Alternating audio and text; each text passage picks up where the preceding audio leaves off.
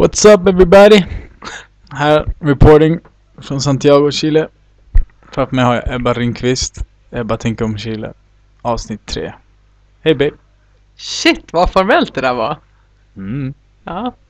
Jag bad precis Mario, vi har hur många tagningar? Fjärde tagningen nu. något sånt där. Ja. jag sa massa olägligheter flera gånger och så skämdes jag och var tvungen att börja om. Så sa nej men sista, sista tagningen nu. Eh, så nu får allting bara hänga med. Yes. Ja.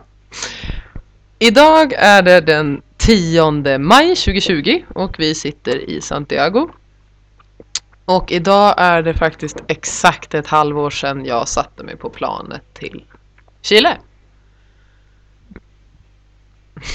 Jag funderar om jag skulle ta hela visa-harangen men jag kanske struntar i den.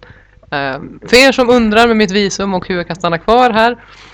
Eh, lång historia kort så har jag fått ett jobb som funktionell tränare. Mhm. Eh, Jag tillsammans med Mario och en kille som heter Alejandro jobbar som instruktörer. Och egentligen så är det väl ditt och Alejandros ställe initialt som ni sökte rätt på för jujutsun och sen har vi börjat köra. Och du spindeln i nätet. Ja.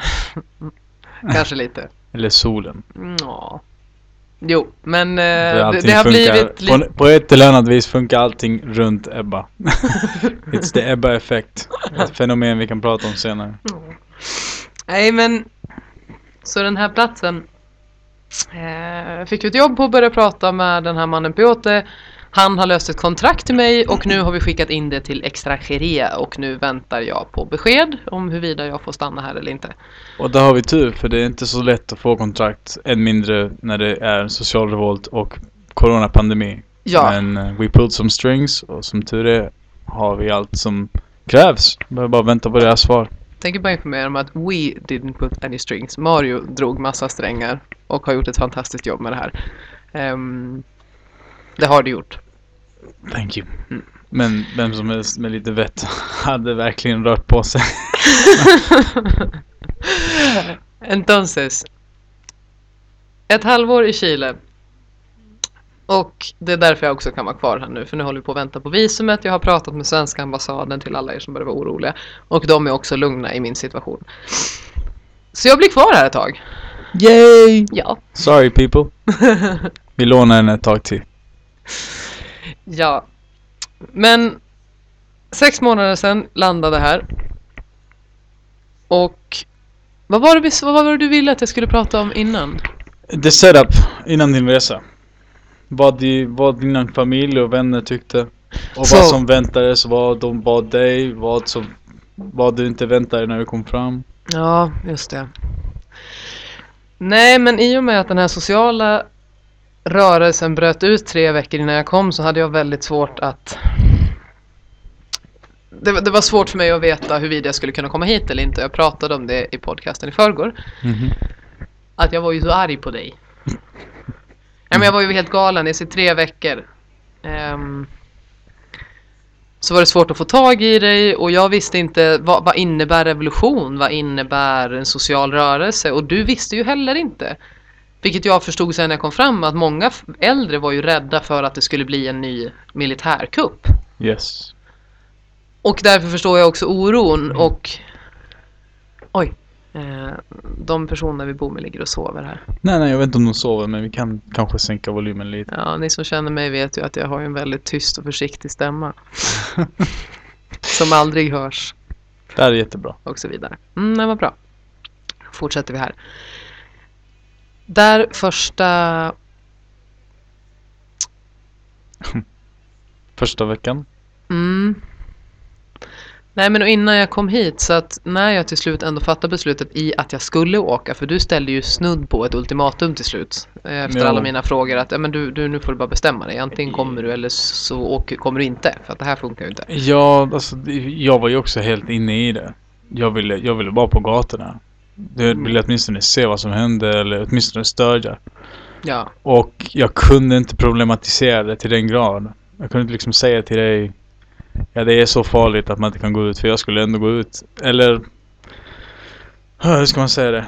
Det var inte så farligt som de fick det att framstå men det fanns fara. ja, Och jag, kunde, jag var tvungen att balansera där Mellan Ge dig det du ville höra, kind of Ja, och samtidigt ge det bara en, en gnutt, alltså jag kunde inte ge det hela sanningen. Jag kunde inte förklara det på något vis som skulle sitta bra på något vis. Jag var tvungen att säga till dig, alltså du, du kommer ner hit. Ja. Du kommer smutsa dina händer, du kommer se grejer. Är du med på det eller inte med på det? Och du kan alltid åka tillbaks. mm. Men jag kan, jag kan inte, som de säger på engelska, sugarcoat it. Liksom sätta lite socker på det så att det ska smaka lite bättre. Mm. Nej, det, det bara är som det är.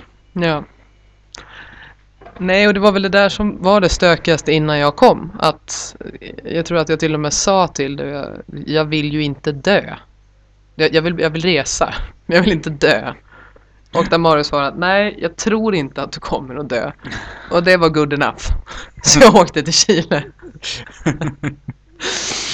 Och på morgonen när det kommer fram... Oj, nu pratar jag så högt. Nej, nej, det är lugnt. Kör, Okej. kör, kör. Jag kom fram tidigt på morgonen när du mötte upp mig på flygplatsen typ fyra på morgonen tror jag. Mhm. Och sen ehm, Sen följde du mig till lägenheten som jag hyrde då av Pato som är en vän Mhm. till Mario. Lä- så hyrde hans lägenhet mitt inne i stan. Det vill säga där det var som typ värst. Bara några kvarter därifrån. Ja. Förlåt mamma, jag berättade aldrig det för dig. Men det ligger ändå tillräckligt långt ifrån att man det inte var någon absolut fara där. Nej men alltså om man vill undvika farorna. Jag visade din mor faktiskt via ett samtal. Ja. Med kamera. Jag bara, så här ser det ut. Här är folket. Här brinner det. Här är polisen. Du vet, jag har bara visat att man, man kan undvika det om man vill. Eller kan vara inne i smeten. Men för att det ska bli riktigt farligt så måste man vara inne i... Nej, men inne i mitten. mitten. Så vi inte man åker på något där. Men du vet. Tårgasbomb kom flygande eller... Det är så här. Men, men generellt sett så om man vill undvika fara så kunde man. Ja, men precis. Och det var ju det där jag bara lutade mig på innan jag kom. Mm. Så på morgonen när jag kom hit Då tror jag bara att vi la oss och sov. Och sen den dagen så tog vi en lång promenad runt i Santiago. Och det var första gången jag kände tårgas. Jag bara vände mig om till Mario och så här, vad, vad är det här? och så här, bara, "Ja, det är tårgas. Och i och med att ja, jag bodde i ett ställe där det var mycket, mycket stök men det är ändå typ en kilometer till Plaza Dignidad som har varit det stora centrum för hela här Ja. stationerna. Plaza Italia hette innan Plaza Italia. Och sen har de bytt namnet till Plaza Ignea som är värdigheternas Torg, typ. torg. Mm. Mm. För att vi kämpar för värdighet. Ja. Nej men och det kommer jag ihåg för första dagarna gick vi omkring i hela Santiago och du visade mig, vi gick på en peruansk restaurang. Det var första gången jag åt peruansk mat. Och så gick vi bara omkring och du visade mig ehm, marknaden, inte La Vega utan du visade mig fiskmarknaden. ah, just det. Ja. Sen gick vi nog runt mest och bara Senare på kvällen så kom vi hit där jag och Mario bor nu tillsammans med de här två bröderna Ignacio och Pato deras, tillsammans med deras flickvänner. Så kom vi hit på den här kvällen och det var nog första gången Det var första gången jag träffade dem. Och det var ju också första gången jag träffade typ chilenare. Eh, de satt och pratade spanska. Nu lyckligtvis så pratar de här bröderna väldigt bra engelska.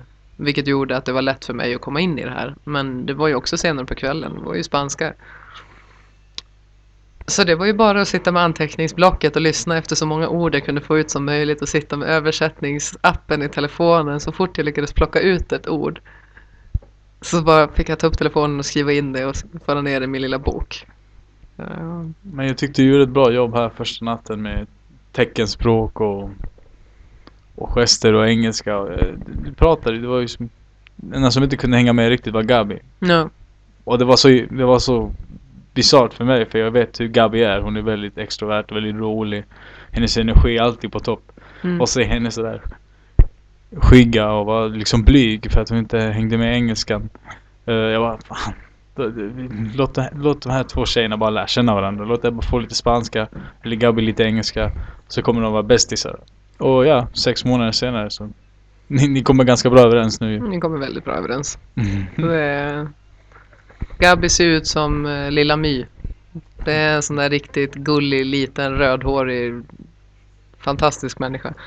Och det är väldigt lustigt nu med spanskan när man har lärt sig att lära sig ett språk är väldigt häftigt i den här åldern för att man har Åh, man har en annan abstraktionsnivå än när man lär sig det när man är barn. Vilket gör att man kan, jag kan se stegen på ett annat sätt än jag tror hade varit möjligt om jag hade lärt mig ett språk när jag var ung. Mm. Och personligheter har ju förändrats så många gånger. Nu kunde jag känna att Gabi var en väldigt liksom härlig, sprudlande, hon, hennes energi talade ju för det. Men i och med att hon inte kunde prata och vi inte kunde prata med varandra. Hennes personlighet har ju också förändrats massor av gånger. Desto mer spanska jag har lärt mig. Så det var en väldigt speciell första kväll och nej, men lite inse vad 17 har jag kastat mig in i. Ja men det var så mycket nytt och det är just det här, det, bara den dagen. Ni som har rest och ni som reser mycket vet ju så fort man kommer till en ny plats så det är ju lite trevande steg första dagarna. Men jag hade inte tid med de där trevande stegen. För det här landet, det slet bara tag i en. Så det där var första dagen. Och redan där hade jag så mycket intryck som jag skulle behövt typ en vecka att smälta. Mm. Men dagen efter det där på nu ska vi se, jag kom fram på en måndag och på tisdagen var den där stora, tisdagen eller ons, tisdagen Mm. var den där stora manifestationsdagen. Okej. Mm. Nu kollade vi upp och det var på tisdagen. Så manifestationsdagen på tisdagen och jag visste inte riktigt vad jag hade att vänta mig för jag hade ju dyrt och heligt lovat både familj och släkt och vänner att jag inte skulle med, liksom delta i en enda manifestation. Jag skulle hålla, hålla mig borta från drabbningar. Den har jag fortfarande försökt hålla vid. Ibland kommer drabbningen till en. Det är inte ditt fel. Nej. Ehm, men den här dagen så sa ju Mario, men det är en man, stor manifestationsdag. Det kommer vara flera hundratusentals människor ute på gatorna och vi ska bara träffa upp Gabi och tycker du Gabi och Pato tycker vi att det är obehagligt kan vi gå därifrån och du var väldigt förstående och snäll i det här. Vi träffade upp dem på en restaurang och det var bara, tänk er en, tänk er en festival. Tänk er en sån här sommarfestival ni har varit på när man bara folk går runt överallt i shorts och bikini, dricker öl, pratar, lyssnar, dansar. Den stämningen var det i hela centrum den här dagen. Och det var bara tusentals och tusentals människor som gick och marscherade med skyltar och allting. Instrument. Mm. Och sen gick vi upp mot det här Plaza Dignidad. Och då var det du, jag, Pato, Gabi och två vänner till Mario som heter Alejandro Felipe. Det var bara de va? Ja. Mm. Och där vi hittar eh, där vi hittar en liten cirkel där är ett slaginstrument bara. Och där de slår och man hör bara den här musiken och man ser alla människor som står och dansar precis som jag pratade om häromdagen. Just den här berättelsen berättar jag faktiskt. Och det var så sjukt speciellt att bara få Ja, men få se, få se alla människor i det här. I den känslan. För man såg att människor delade känslor där. Mm. Att alla delade samma huvudmål. Det fanns ingen oense, det fanns ingen otydlig bild. Vad tänker du? Det var väl en snubbe som led bandet som du klickade med honom lite grann. Ja, Ni såg varandra och liksom erkände varandras närvaro och tackade liksom med en blick. jag, kanske i synnerhet jag, jag stod ju där och grät. Och kan jag också förklara det här. Det är en sak som jag insett nu sen jag kom hit att jag visste att sydamerikaner innan var små. Men jag kanske inte riktigt fattade hur små. Jag är ju 1,73 och väger eh, 80 kilo. Så att, om vi pratade om det också. Jag är så mycket längre och så mycket större och ser så annorlunda ut här. Så att jag blir liksom omöjlig att missa även i ett folkhav. Onikbar. Och jag och den här musikern fick ju då, jag kunde ge honom en tacksamhetens blick för det han skapade med sitt band. Och jag kunde också känna en tacksamhetens blick från honom. Att jag njöt av hans musik och tog del av det här. Och det här förklarade ju Felipe för mig sen. Att bara så du vet så betyder det väldigt mycket att en sån människa som du är med och stöttar det här. Och jag hade väldigt svårt att förstå vad det var han menade. Men han sa det att tjejer som du tillhör en annan värld. Och att vi i våran kamp i vårt land får se en människa som dig, en turist, vara med och stötta det här. Det är värt att tacka. Och det är väldigt liksom... Ja, vad tänker du? Nej, jag håller med. Jag håller med. You know? Det är det som gjorde den här uh, rörelsen så unik i början. Det, var folk från alla möjliga håll och kanter. Från upside till downside. Och det var en roliga nyhetssändningar också för de intervjuade någon riktig Porsche snubbe som bara gav en sån diskurs för folket. Vi måste bara se till att det här... Jag kan inte göra en väldigt bra Porsche accent men... Men... Uh, men ja, det var komiskt. Det var, man har aldrig sett det i Chile för folk, och, och, folk som, du vet. Ja. Det skulle typ gömma plånboken. Stå arm, arm i arm med, med någon som har liksom polerade skor och finfrissa och whatever. jo, det där jag tycker är ganska speciellt. Så att även om det är olika klasser och allt det här. Nej, men jag, jag tänker ju att trots det så är jag fortfarande så annorlunda här. Ja, men såklart. Ja, såklart. Du, rent fysiskt. Du, man kan inte undgå dig. Och, och det var också en komisk grej för Ebba ser ju ut som en svenska och jag var uppväxt bland svenskar. Så för mig var du ser ut som en tjej som skulle kunna varit min klasskamrat. Ja. Så det blir väldigt naturligt att hänga med dig. Men jag har, hängt, jag har bott så länge i Chile att jag börjar förstå hur chilenarna tänker och ser. Så sen en dag var vi här och jag bara tänkte Hold on a second. Satt jag på mina chilenska glasögon och tittade på Jag bara Holy crap! jag dejtar Angelina Jolie eller något sånt där. Det är helt crazy. För tjejer här, alltså det, det finns inte. Det, det, bara finns ej. Så det, och du är en fantastisk och imponerande person. Du har en aura och du är väldigt intelligent och stark. Och så ser du drastiskt fysiskt annorlunda ut. Så man kan inte förbereda sig för dig. Och, och jag varnade dig innan du kom flera gånger. Jag sa om det är någonting du måste vara redo för att folk kommer stirra på dig. Hela tiden. Som om du vore en kändis eller någonting. Och jag tror det har varit lite så. Va? Jo, men och det är det här jag också har... Jo, nej, nu börjar jag bara tänka på att många... Det är lätt att koppla det till att det handlar bara om utseende. Att man... Eh, jag vet inte. Det, det, det, är lätt att man tolkar det där som, ja men här kommer en snygg västerländsk tjej. Men det jag tror jag framförallt har känt här är inte nödvändigtvis att jag har känt mig som ett köttstycke som liksom, folk slickar sig runt munnen. Utan det har ju snarare varit, vad är det där för någonting? I mångt och mycket. Jo. Um, och det var det för att jag vill återkoppla det till med manifestationerna. För att jag hade så svårt att förstå vad det var Filipe sa innan jag började verkligen titta omkring mig och jag framförallt tror att jag såg en bild på mig och några andra chilenska tjejer. Och jag blev så full i skratt för jag, jag upplever ju mig inte sådär stor. Och jag var så oerhört mycket större. Det såg ut som jag hade små liksom, barn under armarna. Den här bilden på... Boxningen. Ja. Flera gånger. Och jag tror att det är det där som västerlänning symboliserar man så mycket vilket också gör men vi har ju pratat ganska mycket om det, varför det är viktigt som västerlänning att också stötta det här. Jag pratade med Filipe om det med, att det, det, är viktigt att ni är med på det här också. För ni visar genom att ni är med i det här och inte flyr och inte sitter inne på era hostel och, eller åker från landet utan ni visar också ert engagemang. Så ger det hopp till människorna. Att nej, men vi står inte själva i den här processen. Vi är inte ensamma i världen utan människor för också våran kamp. Och nu är det, vi har ju träffat med din morbror eh, Diego och hans kompisar från Italien. De hade ju aldrig träffats innan men de kom hit för att det var en social. Mm. Det för att stötta. Och mm. sen kan man väl diskutera det där. Eh, det är ju en ganska extrem falang att åka från Italien för att kasta sten på poliser i Chile. Men still. Ja, man kan ju protestera. Det finns många sätt. Jag, jag, som sagt, man måste vara i en sån här situation för att, för att lära sig om det här. Jo, man kan, kan faktiskt kasta en sten. Och inte sikta på något.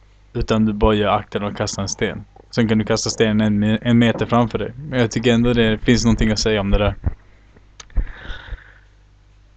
Jag tyckte inte att du hade någon som helst eh, Det är en annan rason Anledning? Anledning eh, Först Bara det att Nej men De som Först? står i fronten Nej, är typ 15 nej. år? Nej, jag tyckte inte att du hade en anledning. Okej. Tyckte. Fram till att en dag när jag såg någon av de här riktigt sjuka instickandet från polisen. Då är det inte långt ifrån att man börjar titta efter stenarna. Till och med. Och jag kunde också känna när vi stod i det stora plåtplakatet. Mm. Att ta en sten och göra oljud. Alltså det är en handling med en sten. Jag, jag förstod inte när du sa det. Jag tyckte bara vad fan ska du kasta en sten för ens? Det är bara provokativt. Men det är inte provokativt. Till- Till polisen ofta, Om du givetvis. försöker träffa någon av dem, sure. Jo men just det här att det är också en symbol, en markering. Över att jag... Och som du säger, du behöver inte sikta någonstans. Det är bara egentligen en markering. Ehm, jag vill bara försäkra mina kära familjer Ja. Nej, jag har inte kastat någon sten. Jag har inte några planer på att kasta en sten på en polis heller. Eh, Back to the main. Det här var dag två. ja, det låter som en bra idé. Nu kommer jag ju outa dig här. Kör på. Ja, men andra dagen så åkte vi ner till Chian. Där din mamma bor och där din mormor och morfar bor och där din moster bor. Där jag också bodde många år. faktiskt. Ja. Där du hade typ dina tonårsår va? Yes. Gick lite i skolan i Chile och tonårsåren. Yes. Mm. Ehm, så kan vi säga så. Jag kan, jag kan lägga över den här till dig. Varför åkte vi till Chian, Mario? Jag skulle gifta mig. Jag vill också bara info att Mario hade ändå pinpointat det här för mig innan. Så att det kom inte som en chock. Det var ändå ganska lång, sent in jag sa det där. Jag tog beslutet väldigt sent. Vad sa du? Jag, jag, jag meddelade ganska sent åt dig. Bara så, här, jag, jag hoppas du inte blir arg men när du kommer hit så måste jag gå och göra den här grejen. Nej men du sa det faktiskt typ tre månader innan jag kom. ah, okej. Jo. Ja, men det är okej. Mm. Okej, nu är alla bara står What the? Okej. Jag eh, skulle hjälpa en väninna. Jag menar, Nej, berätta istället historien. Ja, vi är väldigt nära Kuba. Och vi Ja. känner några kubaner. Ja, Jag känner Varför är ni nära Kuba? varför vi är nära Kuba. Ja. För vi åkte, min familj åkte till exil i Kuba och levde där i 10-15 år. Mm. Morsan växte upp i Havana. Så det var dit din familj flyttade efter militär, när militärkuppen hade ägt rum i... Yes! Yes. Först Mexiko, sen, sen Kuba tror jag. Mm. Och där växte de upp och därför har ni väldigt nära band. Och- Av rimliga skäl. De Ja. tog hand om er som politiska Eh, flyktingar. jo, jo, med, med så serverat på fat. Alla mina mostrar fick plugga till läkare. Eh, och massa andra äventyr. Så anyway, vi har en länk till Kuba och, och det fanns en väninna som behövde hjälp på uppehållstillstånd. Och jag har chilenskt medborgarskap, så varför inte? Nej. Och det här... eh, När du berättade det här för mig första gången så var du lite nervös över att säga det här. Det är inte en lätt nyhet att bara droppa sådär. Nej. Men där jag bara blev så här, ja men okej, men åh. Jag tror faktiskt att jag frågade, men är du tillsammans med henne eller? Ehm, Och jag bara definierar tillsammans. Nej jag skojar. Jag sa, nej jag var inte tillsammans med henne. Nej det är en väninna, vän till familjen, vän till min mor. ja, Och jag, lärt, och jag lärde känna den här familjen på Kuba också. Jag fick, jag fick en väldigt stark koppling till, till ön och, och, och, och de här människorna var del av det. Jag fick hänga med babalaos som är de här prästerna i deras eh, religioner från Afrika och massa sådana här konstiga häftiga grejer. Så jag är väldigt tacksam. det här vill jag höra dig berätta mer om någon gång. Another day babe, nu pratar vi om de två första veckorna.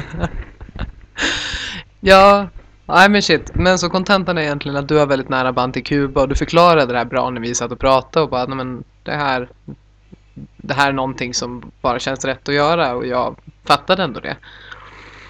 Så det kändes väl inte så konstigt men äh, lite konstigt kändes det nog i och med att du ändå har Nej, du har inte varit tillsammans med henne men du har ändå haft någon form av relation till varandra. Ja, Ja, eh, så det kommer jag till. Mario åker iväg och gifter sig. Jag ligger i en säng i ett främmande hus i en liten by någonstans i en stad.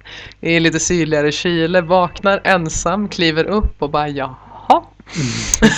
och går runt i det här huset i typ tofflor.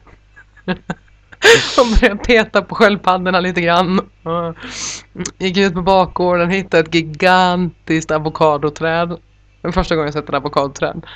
Och för er som är lika dumma som mig, eh, som tror att det bara finns en sort med avokado, det finns hur många som helst. Och det har ju jag fått erfara här i Chile. Du är inte dum babe.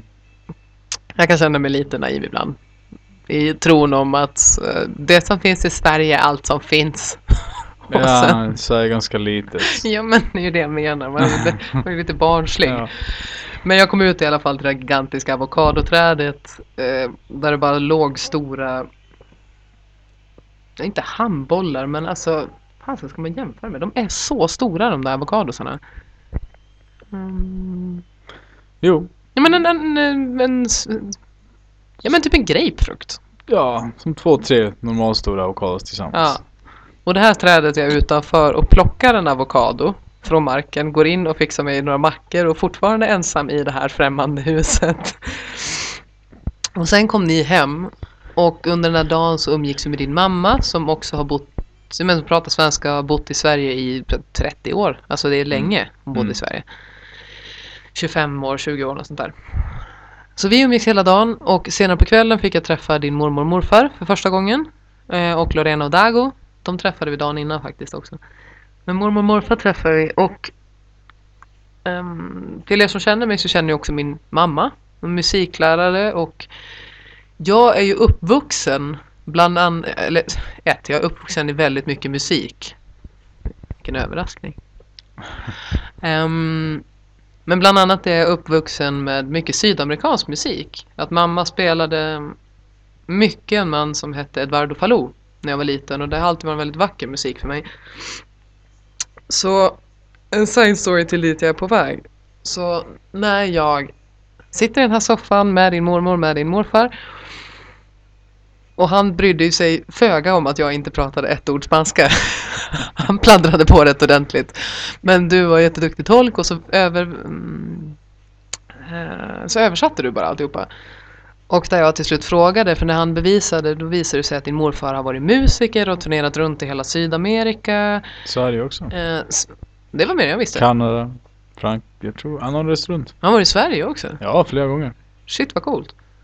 Ja, nej men där den här musiken och när han spelade den här musiken så kunde jag känna igen så mycket Eduardo Falou.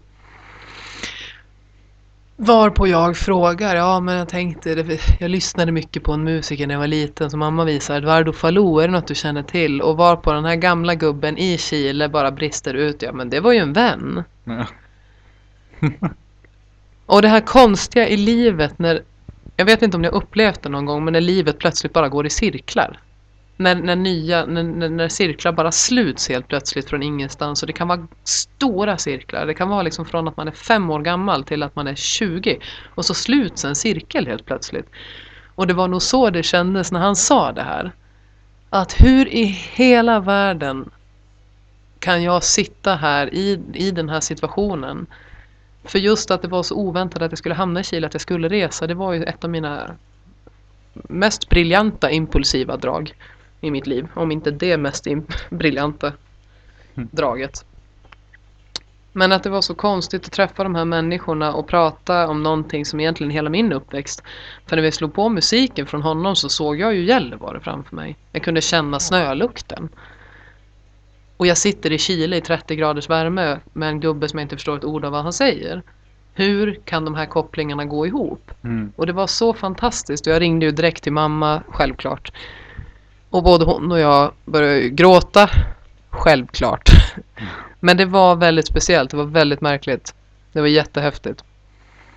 Och att bara få träffa din familj San Martin och få mm, ta del av dem och få höra er historia om att din, papp, din morfar var kulturminister för Allende och när han pratade, eller var han, en, min, ja, något Nej kulturministerium men han, han jobbade som, för... Ja, visst, absolut. Han jobbade i regeringshuset Mm. Under Allende och när han började förklara om när de flyttade till Kuba, alla historier. Vi satt uppe med Dago, din ingifta morbror, hela den natten och pratade. Ja. Och han jag ville berättade... så gärna att ni skulle lä- lära känna varandra. Ja, men en fantastisk man, väldigt intelligent. Skulle Och, kunna ha med honom här någon gång. ja, han pratar ju bra På engelska. engelska. Ja, Mm. just det. Det, är, det hade varit kul. Men det som var mest fascinerande med i den här situationen, för då satt vi, vi åt, jag trodde att vi åt sushi den kvällen. För jag satt där och bara tittade omkring mig och så här, det här är så konstigt med hela din familj. För då var det ju Dago, Lorena, Andrea, din syster, Claudia, din mamma Mm. och så var det Ja men din mormor och morfar, Ja. du, jag och så undrar om det inte var någon till. Ja. Camilla, Camilla kanske. Ja, jo men Camilla var det nog, din kusin. Ja. Och hur vi sitter där matbordet, alla bara pratar spanska och det på sånt jättekonstigt sätt hur hemma jag kunde känna mig. Jag förstod inte ett ord. Jag, du och jag kände inte varandra heller. Det var ju tredje dagen vi någonsin har träffats liksom. ja. Nej men faktiskt. Alltså, Huvudstupa in. Ja, nu, det, yes.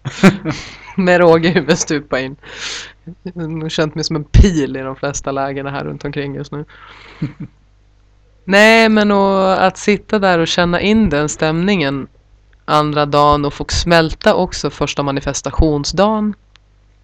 Eh, vet du vad jag kom på nu? Jag undrar om inte var manifestationen på tisdagen eller var den på fredagen när vi kom hem? Ja men vi kanske var på en manifestation, vi gick runt och sen var den stora. Jag vet inte men vi gick ju ofta till Ja, manifestationer. det om jag kommer ihåg i alla fall. Egentligen så allt det jag kommer berätta nu är de två första veckorna. Dagarna får ni ha lite överseende med. Jag kanske blandar ihop lite. Men det är kontentan i alla fall. Ja. Och för sen kom vi tillbaka till Göteborg höll jag på att säga. Kom vi tillbaka till Santiago på fredagen. Och då hade du en boxningslektion. Ja. Mm, och det var första gången jag följde med och testade brottningen tror jag. Var, nej, första gången? Jo, Mm. möjligtvis. Mm, jag tror att det var det. Okej. Eh, för jag tror att manifestationen var på onsdagen. Och det var då du var ledig. Sen åkte vi på torsdagen. Ja. Något åt det hållet. Och- Och sen på lördagen där, eller om det var på fredagen med så skulle Mario hade sagt åt mig, nej men det är en, en kille jag kör jujutsu med som också är musiker, han är saxofonist. Så jag tänkte om du, det kanske kan vara kul att göra i helgen. Så frågade jag vilken typ av musik det var. Och där du tror jag svarade, ja men det är lite future, det är lite gammalt, det är lite, jag fick liksom noll suck om vad det var jag hade att vänta mig. Och sen när vi kommer dit så är det en riktigt märklig introduktion. Det kommer den här filmen. Alltså, ja det var ju utanför någon... Det var ju någon festival av något slag, var det inte det? Ja, någon film, konstfilmsfestival så folk satt ute på backar och du bara, bara stirrade ut på en, på en projektion på väggen och det var liksom random, någon som jobbar med jorden och sen en, en frisbee som kastas och sen lite bark. det är så här. Ja. Det, det, det var det vi kom till. Nej, men jag var- gillar det, Ja, men det är flummigt. Ja, det var väldigt flummigt. Och där jag blev väl lite sådär, ja men det ska bli spännande att se vad det är för musiker. För är, blir man inbjuden till sådana här event så kan det ju vara ganska alternativ musik också. Men när de här drar igång, eh, alltså gåshud ner till lilltårna. Varm rekommendation att lyssna på Rodrigo Gallardo. Två L. Gallardo om man ska Ja. prata svenska. That's the shit. That's the shit. det är det faktiskt. Det är helt fantastisk musik. Och sen efter den här konserten så börjar du prata med Fenja. Mm. Där det här slutar med att vi åker hem till någon av de här i bandet och är på efterfest hos dem. Ja. Och det jag inte förstår är ju att den här killen, Rodrigo Gallardo, är jättestor musiker. Ja, Han, är, alltså han, är, han har ju turnerat i Sverige, han har turnerat runt om i världen. Och i Mexiko håller han på att bli en sån superstjärna liksom. Ja, och så återigen, gå in och lyssna på det här. Rodrigo Gallardo, Gallardo. Ja. Det är fantastiskt. Mm. Is. och de är på väg faktiskt till Europa. Nu sket det sig med coronan. Ja. Men Nej, när de kommer tillbaka, när... Om det är någon som lyssnar på det här som håller på med musik, hör av er till dem. För det här är bra. Mm. Ja, men jag, jag, jag vill bara marknadsföra de här. De är fantastiska musiker. Vi kommer hem dit och det här visar sig att de är duktiga musiker och vi... Ja men och det är bara en jäkligt häftig upplevelse egentligen att... Och vi var de två exotiska gringos. ironiskt nog, de var bandet men vi var center of attention. Fast jag kallade det Ebba effekt också. Jo, men det är ju ett UFO som dyker upp i ens lägenhet. Ja men du öppnar ju varenda dörr. Det är som Moses som bara separerar havet. Nej. Jo, men och det där var en... Det vanliga var också... Det här var typ tredje dagen tror jag. Och sen var 17 var det mer under den där veckan. Jo, Joe Vasconcelos-konserten var faktiskt också den veckan. Jag tror att det var under de här två veckorna. Jag tror att det var andra helgen. Nice. Mm. Men för dagarna pågick ju bara så här och jag... För er som har gett er in på att resa till ett land för att lära er ett nytt språk. Jag tror att ni förstår vad jag menar med den fullständiga utmattning det innebär. Att innan jag åkte, jag har ju, dels har jag varit tillsammans med Marek som har pluggat psykologi så jag har hört väldigt mycket psykologiska termer, vi har diskuterat mycket psykologi. Men också har läst på själv. Och när jag insåg vilken fruktansvärd belastning jag har lagt min hjärna. Då tänker jag, jag ska ju typ vara tacksam att jag lever. Att hjärnan vill ha det lugnt och skönt och begriplig omgivning och närvaro. Och det jag utsätter min hjärna för är att jag drar till ett land på andra sidan jordklotet. Jag pratar inte ett ord spanska. Jag ska åka till en man jag aldrig har träffat. Och det är social revolution i landet jag ska till.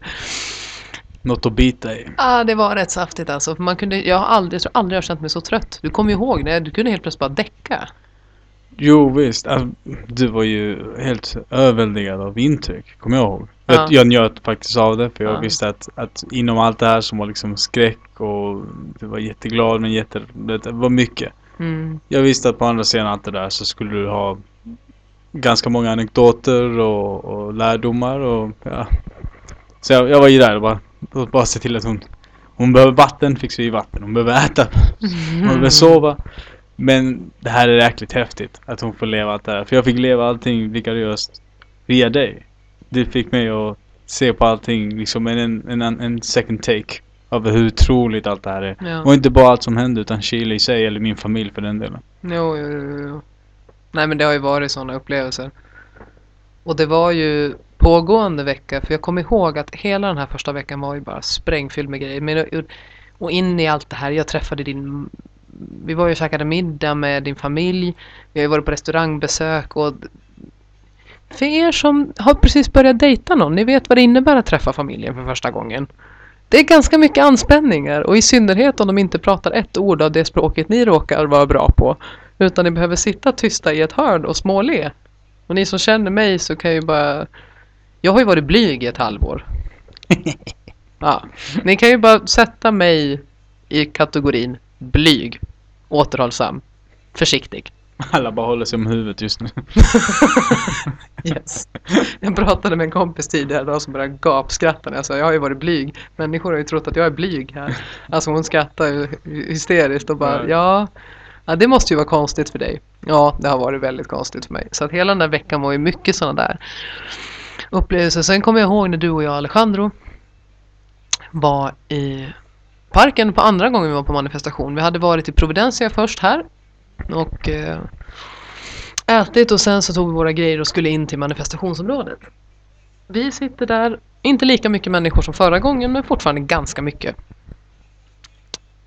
Och det här är en lång historia så håll till godo och gå och hämta kaffe.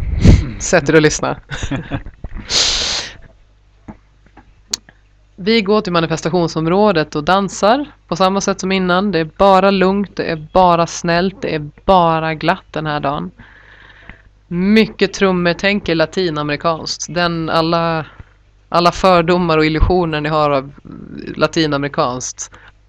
Sätt det i en bild och ni kommer leva det som jag såg.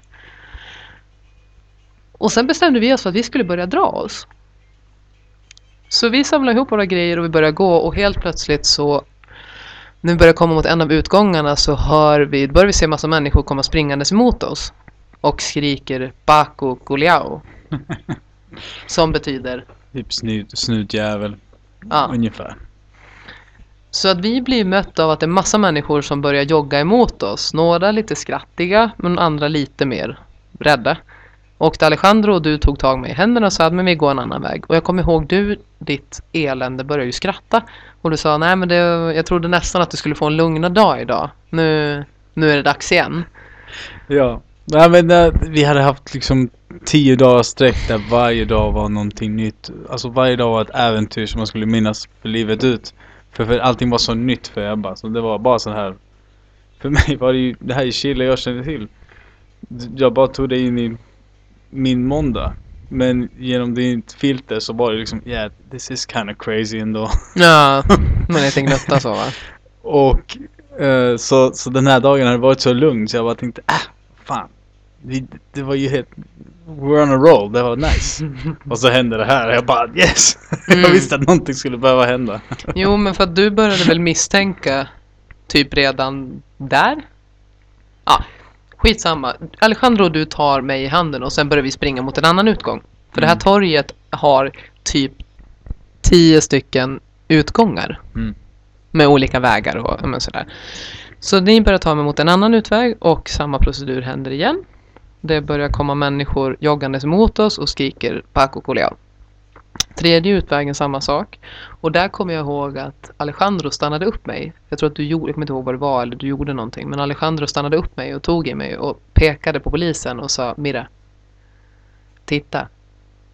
Och sen så kommer jag ihåg att du sa också mm, kolla vapnena, kolla sköldarna, kolla armén som kommer.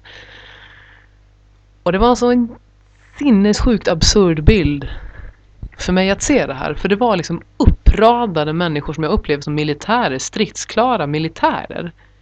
Är den signalen som sänds i sättet de rör sig i. Så man, man upplever helt plötsligt att man är typ i krig. Alltså du, du, du kastas in i en film och du ser att militärerna förbereder sig. Den känslan. Kallar det Serrajona, tror jag de kallar det.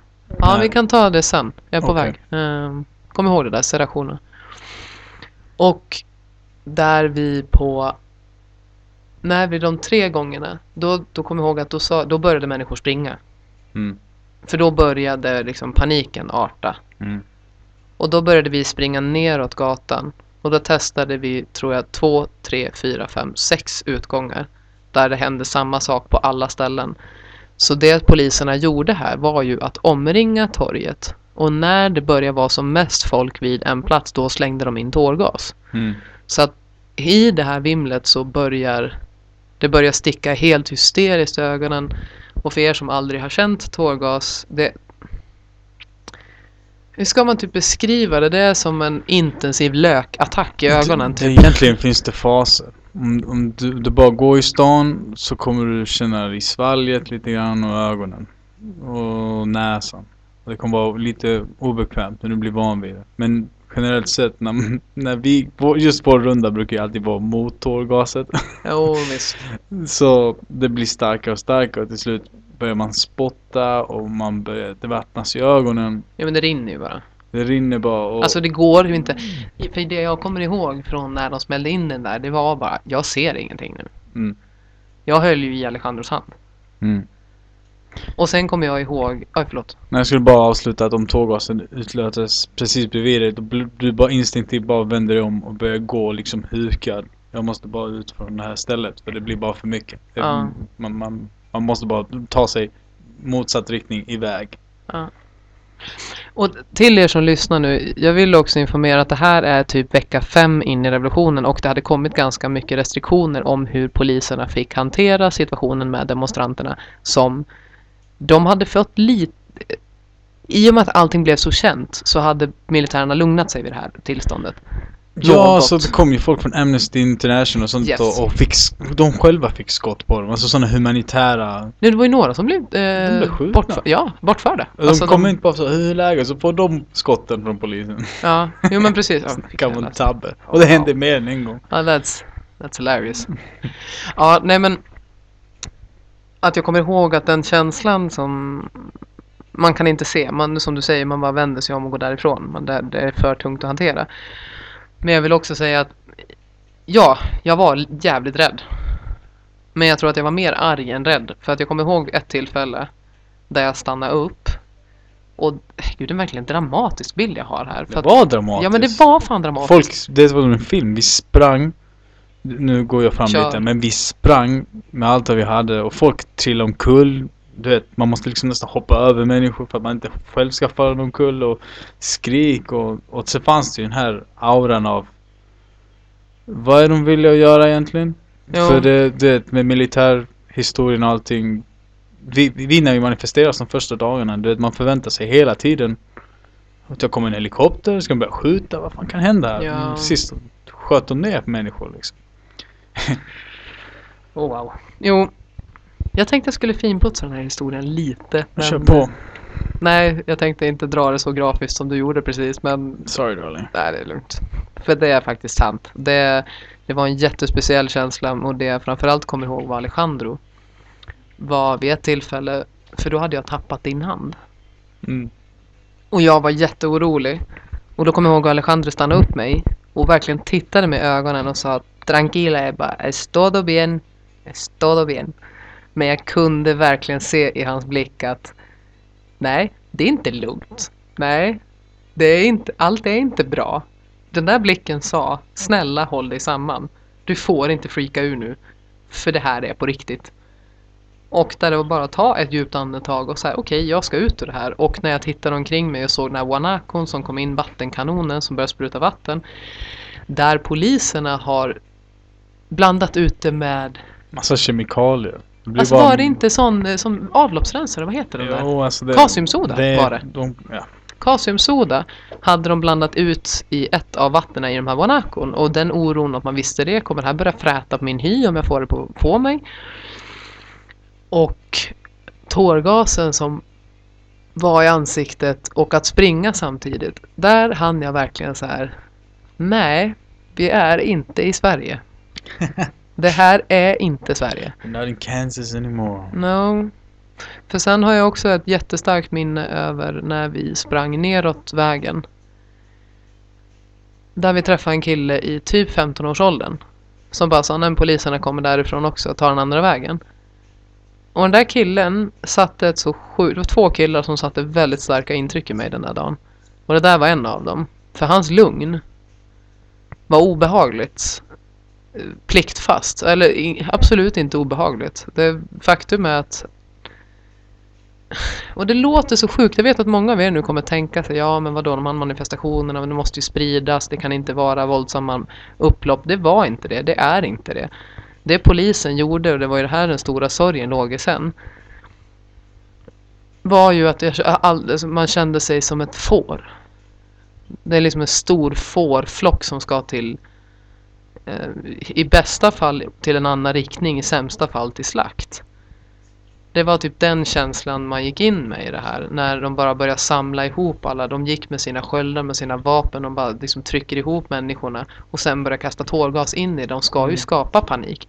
Och det fanns... Det var inte ingen brand. Det var inte ens en barrikad den där dagen. Det var ingenting. Det var så mycket lugna, mycket gamla människor. Mycket barn på torget den här dagen. Barn, vagnar. du vet, Jag vet inte riktigt hur det måste ha gått. Men liksom bara ta vagnen och kuta hem. Nej, jag vet inte heller. Nej, men mycket... Mycket sådär. Och den här killen...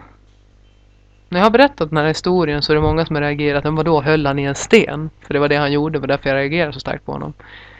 Men vad skulle han göra med den stenen? Och jag tänkte, ja, förhoppningsvis kasta på polisen. Och det är rätt sjukt, men för att när polisen utgör ett sånt hot och du plötsligt träffar en person som kan ta dig ur den hotbilden, om inte annat tillfälligt. Och det är helt absurt när man hamnar i den här situationen. Jag har ju svårt att, alltså nu när jag berättar det här har jag ju med svårt att tro på mig själv. Jag blir så här, men så kanske det inte var. Men jag vet verkligen att det var så här, för jag satte mig och skrev och jag satte mig och spelade in ett klipp direkt efter. Typ två dagar efter den här händelsen så spelade jag in 30 minuter, en video på mig själv där jag bara är helt, berättar allting i detalj. Och är ganska uppgiven. Men och sen när vi lyckades ta oss bort därifrån och när vi sprang så ser vi liksom i den här, när vi springer bort ifrån hela det här kaoset så ser vi en kille mitt i gatan som bara står med höjd högerhand med gasmask, med skyddsglasögon, uppdragna. 15 år. Och han bara går så sakta inåt. Och då kommer jag ihåg att du sa det där är vår frontline. Och det var första gången jag fattade för du hade pratat om uttrycket frontline innan. Och jag tyckte att det lät jättetöntigt. Jag bara okej, okay, de ska kasta stenar på polisen, vad coola de är. Jag låter väldigt raljerande och det kan jag också säga att jag var. Men där jag för första gången bara fattar att shit vad sjukt det här. Jag är verkligen ett land som saknar majoritet, alltså saknar just nu till och med yttrandefrihet. För de fick inte yttra sig på torget. Det är det här liksom... Ja. Synden var att de sa ifrån. Det, det är verkligen sådär, synden är att de sa ifrån, att de sa... De bad om bättre. Man kunde inte gjort det bättre. Det som... Nej, men det jag menar, nej, men befolkningen bad om en bättre. De, de har bett redan. De har redan bett i 30 år. Försökt komma med politiska reformer för att öka standarden, för att minska fattigdom. Men när det bara har blivit tystat, tystat, tystat, tystat. Att till slut så kommer det smälla och det var det det gjorde och det behövde hända. Och det är det jag menar med att de har, de har frågat efter det. Och när är man på svältningsgränsen om man är på svältningsgränsen och du kommer inte tveka på att du ska jaga. Och jag tror att det är det vanligt väldigt många människor kände här. De var på svältningsgränsen, inte bokstavligt talat, men frihetsmässigt, emotionellt, levnadsstandardsmässigt. De var på svältgränsen. Och då är man beredd att börja jaga. Sen finns det en hel kategori av chilenare som är los mestizos. Som är liksom chilenare, eller liksom spanjorer och allt möjligt blandat med mapuche. Just det. Och mapuche, om de håller sig till sitt så har de fått mycket, de har fått många rättigheter. De kämpar än idag men, och det är inte lätt alls. De är väldigt stigmatiserade bland många i Chile. De tror att de är terrorister och grejer. De bränner ner skogar men det, det kan man ta en annan dag. Det kan vara tvärtom. Men mestizos de har bara blivit undan, de har ingen identitet riktigt. För de har inte någon europeisk efternamn så de kan inte bo där uppe. Samtidigt är de inte helt mapuche utan de är ganska chilenare. Och de bor liksom i utsidan av stan. Och det har hänt förr att det kommer en stund där just Los Mestizos kommer in i stan och bara förstör allting. Vi, vi, ah, vad är det som händer nu? Ja, alltså de flesta. De fattigare chilenare, de flesta är mestizos. Ah, okay. Som är mörka, men inte helt mapuche. Och som sagt, här, här ska man ha ett utländskt efternamn. Då, då, då går det bra. De, många chilenare kan det är så hänföra till någon ganska gammal släkting liksom. Jag är italienare och något annat när han har bott i Chile i tre generationer. Bara för att det fortfarande finns mycket kolonialistiskt tänk här. Ja, det har jag faktiskt tänkt på. Det är väldigt många som har påpekat det när jag har, när folk har frågat från Sverige. Ja, men jag har spanskt påbrå, jag har italienskt påbrå, jag har tyskt påbrå, jag har... Det är väldigt viktigt för människor att berätta att de har kopplingar till Europa, har jag nog upplevt. Yes. Men jag måste ju faktiskt, vi måste ju avsluta liksom hela det här, hålla människor på halster. Men så hela den här dagen slutade med att vi fick ju springa och sen till slut hittade vi en plats där det var väldigt lugnt och till historien hör också för att lugna er något. Alejandro blev action man. Han blev action man. men jag tyckte det var komiskt för han liksom rullar över bilar helt onödigt. Parkerar bil bara. Eller jag, Gjorde han det? Jag vet inte men han hade all energi som han skulle göra. Jag tyckte bara det var komiskt. jag bara, vad fan är det här men Vi kan bara gå hem. Fast det kunde vi inte. Nej. Nej, vi, vi hade det, faktiskt Förlåt tur. Mario, men därför är jag tacksam att, att Alejandro var med. För han hade respekt för den här situationen. Det hade inte du. Nej, jag ville att vi alla skulle ställa oss upp och skrika tillsammans. Ja, min andra dag i Chile. Uh, no, no. Det här är ändå ett jävla Jag blir typ arg på dig vi pratar om det här nu. Det här blir riktigt mäktigt. Nej, fullständig idioti. Jag blir typ arg. Okej då, så vi sprang och som tur är vi alla fit så vi kunde springa till 5 km utan att stoppa. Ja, så långt var det inte. Det var typ två. Men... Eh, kontentan i det hela var ju att det var en väldigt intensiv upplevelse. Och faktum är att vi stannade upp lite här nu och började prata för du och jag upplevde det här väldigt olika. Och det var en ganska intressant, intressant grej som du sa precis nu. Att, att människor eventuellt kommer tycka att du låter lite galen. Och att de ifrågasätter, eller vi, börjar diskutera. Jag upplever ju att du låter väldigt radikal. Du låter väldigt hård och du låter typ kriminell i mina öron när jag sätter mig i ett svenskt perspektiv. Men efter ett halvår här och det som jag tyckte var intressant det du precis sa var ju att Ja, fast om människor tycker jag är galen så kommer de tycka att det är ännu konstigare att du eftersom till och med följer med och håller med det jag säger. För att det är galet. Alltså situationen här är galen. Och jag pratar med många vänner hemma som inte har någon aning om vad det är som händer här borta. Och jag tror att det är det här som jag dels har ett behov av att prata om. Alltså upplevelserna om de sakerna som händer här. Hur vitt det skiljer sig från, Svi- eh, från Sverige. Men också prata av mig men kanske också delge information härifrån om hur det här upplevs och hur jag upplevde dig i början. För jag har verkligen... Min faste frågade mig häromdagen, men jag tolkar det som att du är glad. Och då kommer jag ihåg att jag svarade, jag är glad vette 17 men jag är där jag ska vara för jag utvecklas så otroligt mycket av att vara här. Och det är ju det här, de här två första veckorna jag tror att när jag pratade med någon kompis, jo jag pratade med Simon. Så frågade han hur har du det? Så kommer jag ihåg att jag pratade i en halvtimme. Och sen så sa jag så här, ja det här var ju mina fem dagar. och det var så bisarrt för det kändes verkligen som att jag varit här ett halvår då. Efter de första fem dagarna. För det hade hänt så mycket. De upplevelser som jag hade fått det, det är sånt man som bäst som turist får kanske två upplevelser under en hel resa jag hade liksom smackat fem på de fem första dagarna och mer skulle det bli och det har liksom bara fortsatt så här. Och så är det ju fortfarande. Och det som toppade ju då slutligen, förlåt. Nej, jag skulle bara säga därför vi måste, det är bra att vi spelar in för minnet till slut börjar, man måste byta ut de gamla minnena med nya, nya intryck. Ja men precis. Och för det, det som, toppade och avslutade de här två veckorna jag kommer inte ihåg var vi hade varit den helgen, men vi hade varit borta någonstans. Och sen säger du, det finns en artist som ska spela här i Santiago och mina kusiner ska spela med honom. Så jag tror att jag skulle kunna fixa biljetter åt oss. Och jag hade ju ingen aning om vad det här var, så jag tänkte, ja men det blir jättekul. Med Joe Vasconcelos. Love this story. Mm. Nej, men och där du lyckades fixa de här biljetterna där vi bara åkte iväg. Och... Sista minuten också, vi hade andra planer. Ja, men vi hade andra planer och vi och höll vi på med någonting. Vi försökte få med alla andra, men ingen annan kunde för det ena och det andra. Ingen täckning hit, inga Jag vet inte. Jag undrar bara... om du hade varit på tävling den dagen, att det var det som var så himla tight med tiden.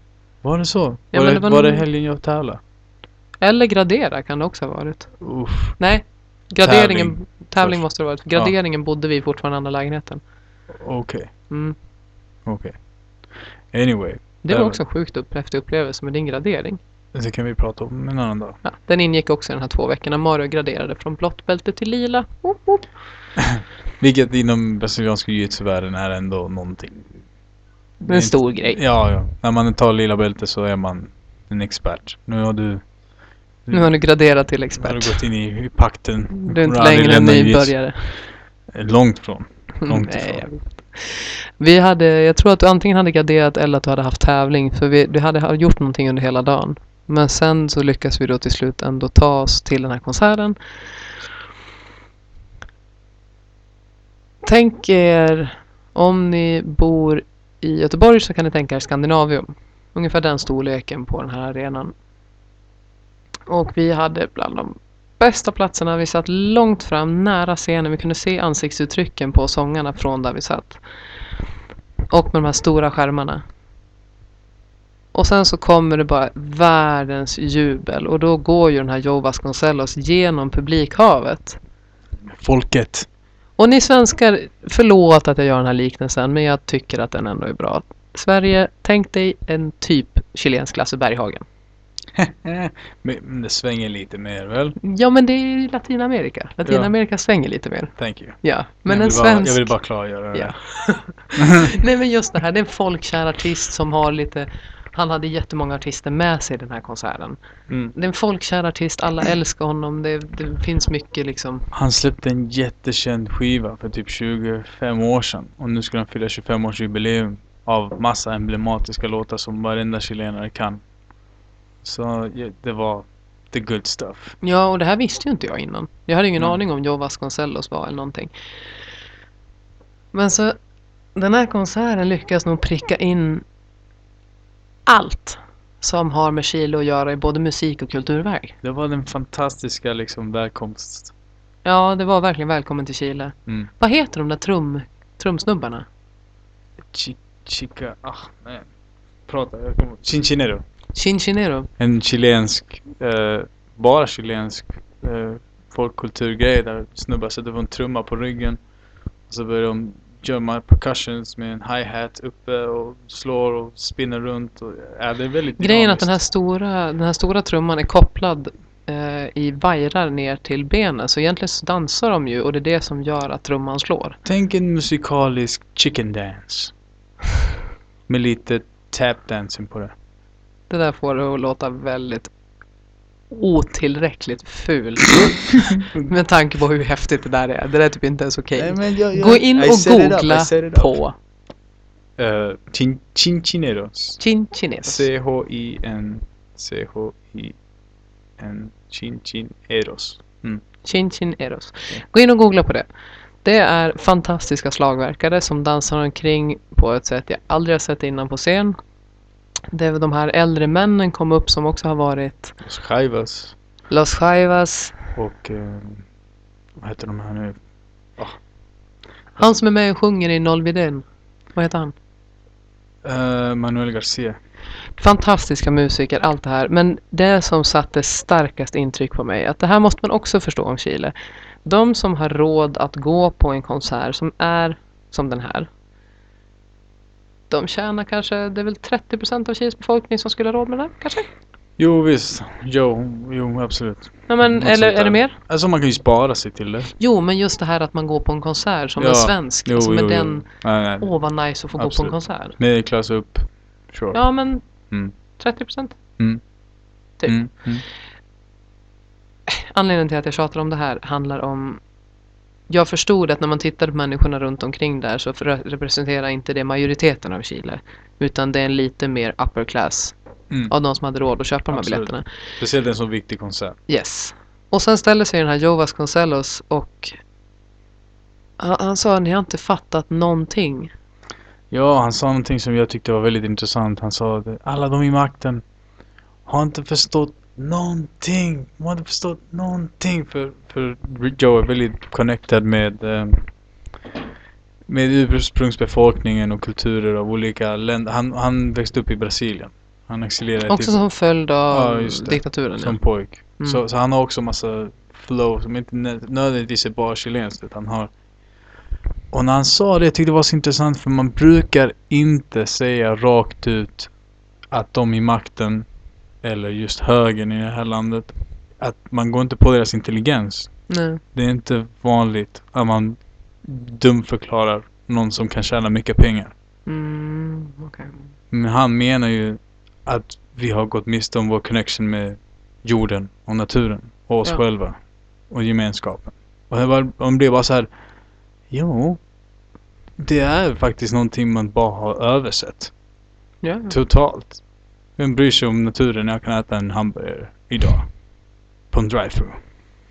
Förstår du? mig? Ja, nej men visst. För det där var så otroligt häftigt för efter att han hade sagt det där så hade stod han med en stor bongotrumma tror jag. Ja, men. Han hade varenda instrument. Ja, alla instrument. Men där han började slå Ja. och där helt plötsligt hela ja, de motsvarande Skandinavium ställer sig upp och sjunger. Oh, Chile desperto, desperto, desperto, Chile desperto. Hela arenan ställer sig upp och sjunger det här. Och Joe med alla musiker står på scen. Och det det här betyder är Chile har vaknat. Jag får bara rysningar när jag pratar om det här. Jag kommer ihåg alltihopa. Det är så häftigt. Och framförallt att fatta att det är hela Chile. Varenda konsert, varenda taxibil jag har suttit i, varenda samtal jag har haft, varenda random person jag har träffat i det här landet har det första handlat om så vad tycker du om kampen? För det är så människorna här ser det. Det är en kamp. Och alla är med på den. Det är en väldigt försvinnande liten del längst upp i näringskedjan som är emot de här. Liksom. Sen har många olika, många har ju olika åsikter om huruvida med sönder vandaliseringen och det där. Där går det ju mer isär. Men de flesta människor stöttar ju helt klart själva kampen i sig. Ja, i alla fall välja en ny konstitution som du ska göra nu i år. Ska rösta. Corona, vi skulle röstat innan, nu i april. Men coronaviruset gjorde att vi får skjuta upp det. Mm. Vilket gynnar ju de i makten som bara drar ut på det. Och en sak som vi faktiskt, vi ska börja avrunda här snart men jag tänker så mycket på det här med statyerna har typ slagit mig mer senaste dagarna. Mm. Att, de, att de målar igen. Och jag pratade med min vän och jag förklarade att men det här torget, om ni har sett bilder jag har lagt upp, det är ju den där statyn har haft både så mycket olika färger och former och ja, skrifter och konstverk utställda. Det har, den har haft olika utseenden varenda gång vi har varit vid torget. Och där nu regeringen har ju satt karantän som väldigt många andra länder i vissa stadsdelar. Där vi befinner oss är det inte karantän just nu. Vi får se hur det blir här framöver. Men de har satt karantän i de fattigare delarna. Och i samma andetag som de sätter den här karantänen så börjar de måla över alla bevis på att det någonsin har ägt rum en protest. Och i svenska mått är det lätt att tänka, ja men man måste gå återgå till det normala. Vi måste ju, man måste ju tillbaka med stan. Den måste ju se ut som den gjorde innan. Men där jag insåg att det här är en väldigt vass och en väldigt hård liknelse. Men det är ungefär som att du ska börja spränga bort Auschwitz. Du börjar spränga bort bevisen på att det där någon gång existerar. Och i det här överputsandet och övermålandet och fullständiga identiskt hur det ska se ut. Hur det såg ut innan. Det är rätt läskigt alltså. Och som vi berättade här om dagen, det är så mycket poliser där. Jag förstår inte alltså hur många hundratusentals kronor de lägger på det där i månaden att skydda den där statyn mot människor som nu är satta i karantän och inte kan röra sig. Det är... Um, You, get, you get the picture. I get the picture. Det här är väldigt sorgligt. Nej men jag försökte, för jag och Mario var ute och promenera häromdagen. Och du blev väldigt ledsen när vi faktiskt så vi började den här podcasten. Det var därför jag sa att vi ska spela en podcast när vi kommer hem och jag vill att du pratar om det här. Mm. Men där jag försökte bara vara positiv att ja, men vi eldar igång det här igen att det här är bara de bara gör människorna ännu argare men det är verkligen människor som har mist sina liv. Det är människor som har förlorat ögonen och så vill jag också säga liknelsen med Auschwitz. Ni förstår ju också att jag vet att det inte är sex miljoner judar som har blivit galjärgasade här. Allt sånt här. Men you get my picture. Alltså våldet, alltså pound for pound, om man ska jämföra våldet, speciellt Chiles historia, så är det lika hemskt som Auschwitz. Tycker jag, om man ska se vad, vad det kan hända dig som, in, som individ. Sakerna som hände här Jo men den tortyren som var också Ja, under alltså, diktaturen, man visste, nej men visst. Föreställ dig det värsta möjliga. Allt det där hände här. Det är mycket väl dokumenterat. Ja men det är väl det här klassiska, man aldrig ska ta någon form av andra världskriget referenser för det blir så himla känsligt. Men jag tänkte verkligen på det för att man ska förstå att det här handlar inte om att återgå till det normala. För det går inte att det blir någonting normalt efter det här hände. Det, kan, det finns ingenting längre som heter normalt. Utan det finns någonting nytt. Sen kan vi ha inslag av det gamla. Men ingenting är normalt. Mm. Och därför är det så obehagligt när man börjar normalisera. Och egentligen är ju det här bara att trycka ner människorna igen. Det här måste jag få berätta om det här stora huset. Vad heter det huset med konstuttrycken? Alltså är det konstmuseum eller vad heter det där? Silgam. Eller Gam. Jo, det är som ett konstmuseum där de gör massa events också. Ja, det här är mitt i Santiago. Och som protest mot de här rörelserna så började andra sidan, de få som förespråkar den andra sidan började göra uppror mot demonstranterna. Mm. Att det var en högersida som började beväpna sig. Mm. Och det här kan jag tycka är lite gulligt att i den här beväpningen så ingick det att måla om det här stora eh, konstmuseet till sitt ursprungliga skick. Att göra det så att det en gång var, innan demonstrationerna. Men det fantastiska var att den chefen på det här konstmuseet gick ut dagen efter och bad alla konstnärer att komma tillbaka till huset. Att sätt hit era uttryck igen. Våra väggar ska vara nerklottrade. Jag hoppas det händer igen. Ja, men det tror jag att det kommer göra. Men grejen är ju också att nu, det där huset är ju fortfarande intakt. Det har de ännu inte rört. Det, jag tror att de fick sig sitt message av att just... Ja, men vad bra. Jag har inte gått förbi där. Ja, jag var förbi där häromdagen. Uh, var ute och gick. Och det där huset är fortfarande orört. All fantastisk konst är kvar på den byggnaden. Men det som jag bara fascinerade så mycket över är just den här chefen. Ett stort konstmuseum mitt i Santiago. Som bara fattar det här beslutet, bara går emot det som skulle varit normen. Att ja, men det är klart att man målar tillbaka sitt hus till sitt ursprungliga skick. Nej. För det finns ingenting som heter normalt längre. Det finns inte ursprungligt längre. Det här är där vi är nu. Och just att man ber om att kom tillbaka. Och sen så berättade du, vad var det du tänkte om militärerna? Nej, alltså nu är ju militärerna på gatorna, vilket för mig har alltid varit deras andra linje of defense. Från deras sida. Först är det poliserna och sen är det militärerna. Mm, Så om okej. jag ser militärer på gatan så jag blir direkt på mycket mer, eh, Sämre humör. mycket mer på tårna. Jag tror du märker det nu när jag går på gatan. Jag, jag, jag är bra mycket mer ängslig än vad jag varit innan. Jag tycker Jo. bara inte om att se militärer. En, alltså jag tycker inte om, alltså för polisen och militärerna betyder en helt annan sak nu i Chile här. Ja, ja. Jag ser en polis och jag, jag, jag börjar leta efter som jag skulle se någon som skulle försöka råna mig, men liksom tvärtom. Ja, jag hoppas ja, den här polisen men- inte bara skjuter mig i ansiktet med tårgas och arresterar. Nej, men det var det vi pratade om häromdagen. Mm. Att man, man, det, är en helt annan, det är ett helt annat sätt att se på det där nu. Att tidigare har man alltid varit rädd för ligisterna. Men nu är ligisterna de i uniform. Speciellt i det här landet. Vi hade en Ja, ja. som hette Ladina, som var liksom deras specialpolis för att arrestera folk och tortera dem. De hade specialagenter för det. De mest psykopatiska snubbarna de kunde filtra fram. Var det här till 73? Var Ja, det i den ja, eller nu? Ja, ja, 73, men det är, det är ju samma land. Det har bara gått några år. Hela Jo. den kunskapen och agenter måste väl finnas kvar. På något vänster. Ja, det är så...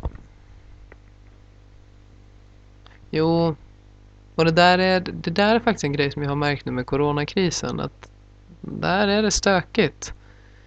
För jag kan ju känna att jag inte riktigt litar på chilenska staten här. Och det... mm, Nej, jag håller med. Jag- Jag instämmer. För när man är i Sverige så... Det är tusen olika bu eller bä huruvida Sverige har skött det här bra eller dåligt. Och det är inte det det handlar om. Det som jag bara tycker är... Man kan åtminstone lita på att de i Sverige gör det de tror är bäst för befolkningen. Den tilliten finns åtminstone. Sen att det kanske är papptrattar som sitter i regeringen, det får väl vara upp till var och en att tycka. Men jag tror ingen kan förneka i Sverige att man vet att politikerna gör sitt bästa för att reducera sjuksprit, smittospridning, reducera Ett ekonomin. seriöst land. Precis. Men medan man här känner att regeringen har tagit till rätt drastiska åtgärder för att få stopp på de här demonstrationerna under nästan ett halvårs tid. Det skulle inte förvåna mig om man använder det här som en metod för att tysta folket heller. Att du sätter karantän i de här förortsställena för det blir väldigt behändigt för polisen. Det blir väldigt lugnt. För att det finns en legitim anledning att ha militärer på gatorna. Alla kan legitimera det genom coronan. Det finns en legitim anledning att ha mycket poliser på gatan för att det har varit oroligt. Så vad resulterar det i? Jo, att poliserna och militärerna tar hela områdena där människor brukade låta sina röster höras. Och sen ser de till att de kan arrestera dem när de sätter sin fot utanför dörren utan ett tillstånd. Och de här tillstånden man får för karantän är fyra timmar två gånger i veckan och du måste ha tillstånd från Polismyndigheten. Annars får du böter. De människorna som bor i området där det är karantän nu är de fattiga områdena. Där svider en böter ordentligt. Det kanske inte gör det i lite rikare områden men i de där områdena så har du inte råd med böter. Och så har de här perfekta anledningen till att människor inte ska kunna träffas. Ja. För smittningsrisk. För annars, hade det inte varit för det där så hade vi varit på gatorna nu. Ja visst. kampen är fortfarande igång. Det har inte stoppat. Ja, ingenting har ju liksom... Och det som är riktigt sorgligt är att folk som gått tillbaks till jobbet som Pat och, och Gabi. Men, alltså ljuset, det, det finns mindre ljus i deras ögon. De kommer hem helt eländiga. Jo, sen jobbar de på Polismyndigheten också. Kan man Jo. ju veta. Men det, är ju tungt. Men, men det är liksom, det där är ju normaliteten. När när jag kom hit till Chile, chilenarna var väldigt trötta. De- De såg eländiga ut. Jo, och nu menar inte Mario att de kommer tillbaka efter coronakrisen och har börjat jobba. Det Mario syftar till nu är hur mycket man behöver arbeta i Chile och hur arbetsförhållandena är i relation till lönen. Tack att du klargör det. Ja, nej men jag insåg att det... För jag trodde att du menade corona först, sen inser jag att nej men du menar verkligen. Och det här är inte, återigen, det är inte Sverige. En normallön här ligger på 3-4 tusen kronor i månaden. Något sånt där. Ja.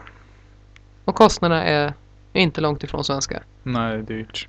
Och att man ser hur de här jobbar dessutom nio timmar om dagen, inte åtta timmar om dagen som är i Sverige.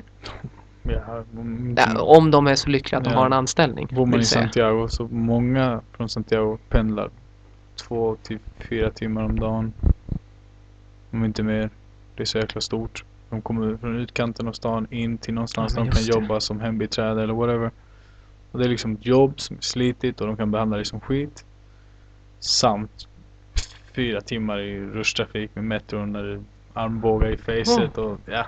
det börjar rysa av att tänka på det. Oh wow. Det är verkligheten av många chilenare i huvudstaden.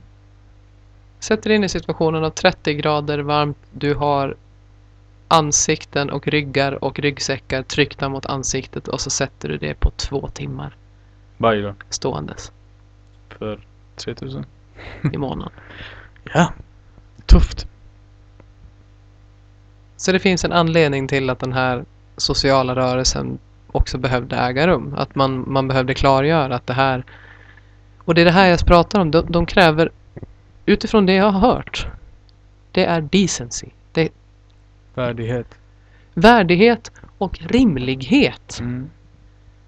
till ett vanligt liv. Kanske inte behöva vara skuldsatta upp till örsnibbarna för att kunna köpa middag till din familj under en vecka. Det kanske ändå är rimligt att ställa de kraven på ett land.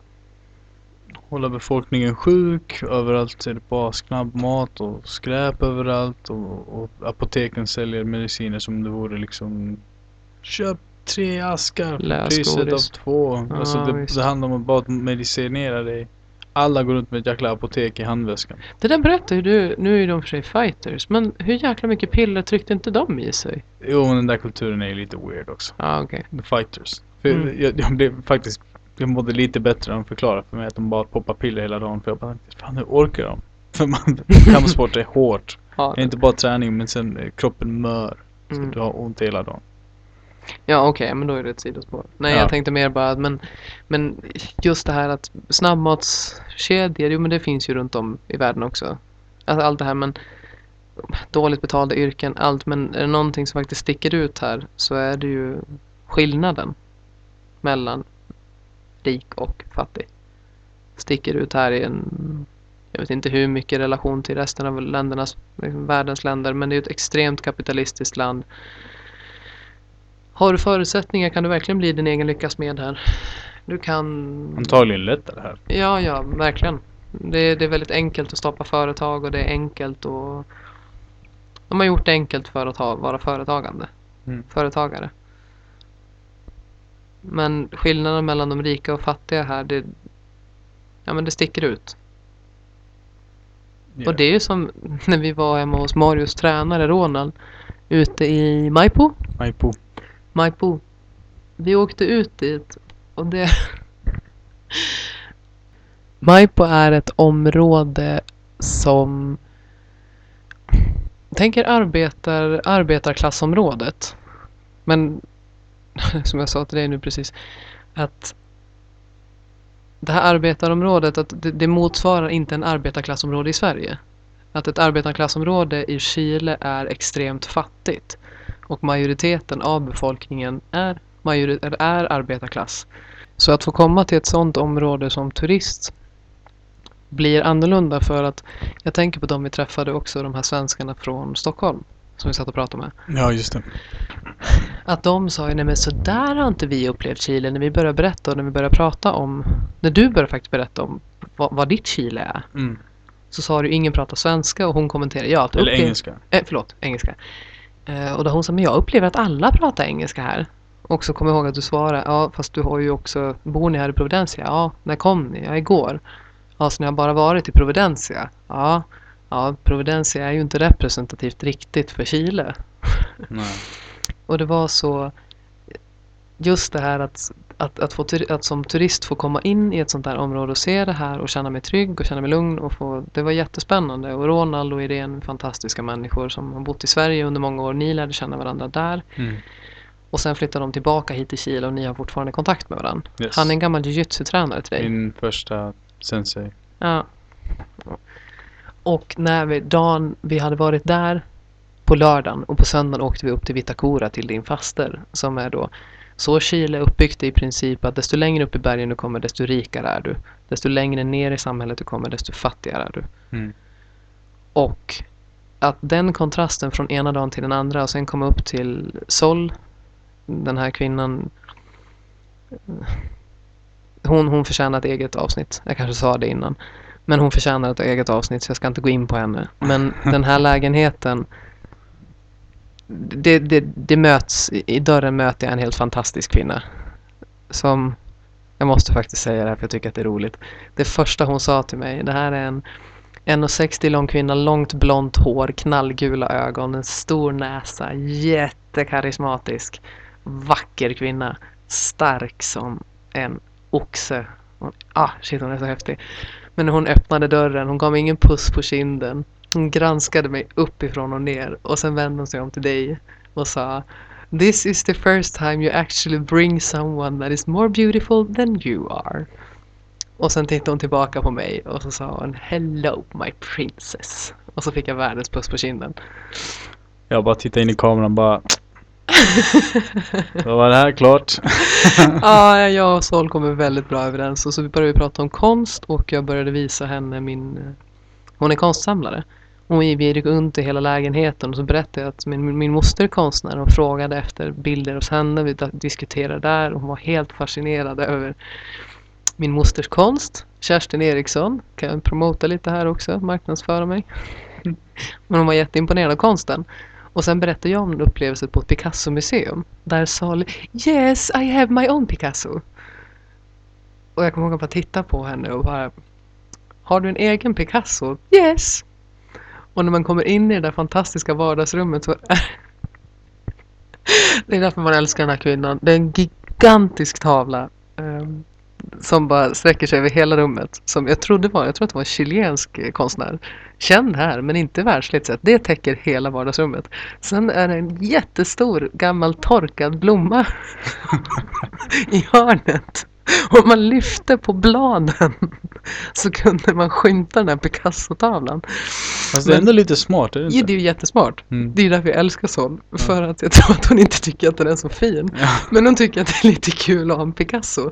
Men den får hänga där den förtjänar att hänga, det vill säga bakom blomman där den inte syns. och istället så promotar man Chile i hela vardagsrummet. Så det här är Vitacura. Ja, det är signifikant Vitacura. Och att få den där den kontrasten från ena dagen till den andra. Det är svårt att inte ifrågasätta vad det är som är fel i systemet när det där är möjligt. Det här låter som Palme. Om jag säger. Jag tänker bara lämna det där. Jag tänker bara dra ett streck där. Sen får vi, vi får prata om den svenska korridoren imorgon. Svenska korridoren? I Los Leones metron. Åh, ja, absolut. Men det får vi ta en annan dag. Yeah. Jag tror att det är dags för oss att sova klockan halv två. Vad tycker du, hur, hur gick det? Du ville berätta om dina två första veckor. Jo, det var inte på. Det var typ första timmen jag berättade om. det är eh, lite mycket jag kom av. Alltså det är så mycket som har hänt. Jag skulle kunna, när människor frågar mig hur, hur det har varit att resa här. Då har jag bara sagt att jag skulle kunna skriva en roman de första två veckorna. Av alla intryck, av alla känslor, av allting som hände. Hur många känsloyttringar man var och touchade i. Jag hann bli rädd på riktigt. Och inte bara för demonstrationen, alltså dig och mig också. Du och jag hade ganska, ja ni fattar ju själv, man åker till andra sidan jordklotet till människor man aldrig har träffat som, ska man liksom typ bo med varandra? Och sen flyttar du in här och så bor vi instängda i ett litet, litet rum tillsammans. Ja, det, men och det, bara det där är ju också Många i Sverige har ju sagt att ja, men jag, jag har svårt att få min egen tid. Min, min pojkvän eh, och jag jobbar samma tider och jag har ju bara skrattat och tänkt egen tid, ja, det, det sysslar de inte med i Chile. Det finns inte. När man har alltid sällskap, finns alltid folk ikring. Ja, nej, det är ett annorlunda liv. Speciellt nu på coronatider också. Vi bor kollektiv i en lägenhet och vi är sex pers. Typ 90 kvadrat. Vi var instängda i två veckor, vi fick inte lämna lägenheten. Men innan alla antar det värsta, vi har det väldigt studerat. Vi alla har våra vrår och små spaces och ordning med tvätten och matlagning och städning. Annars blir det crazy. Och sen är det fantastiska människor vi bor med också. Det med. Ja, det är din äldsta barndomsvän, en av dem i alla fall. Och hans bror. Och hans bror och deras flickvänner. Så det är tre par. Mycket chilenska för min del. Cachai. Cachayano. Cachano.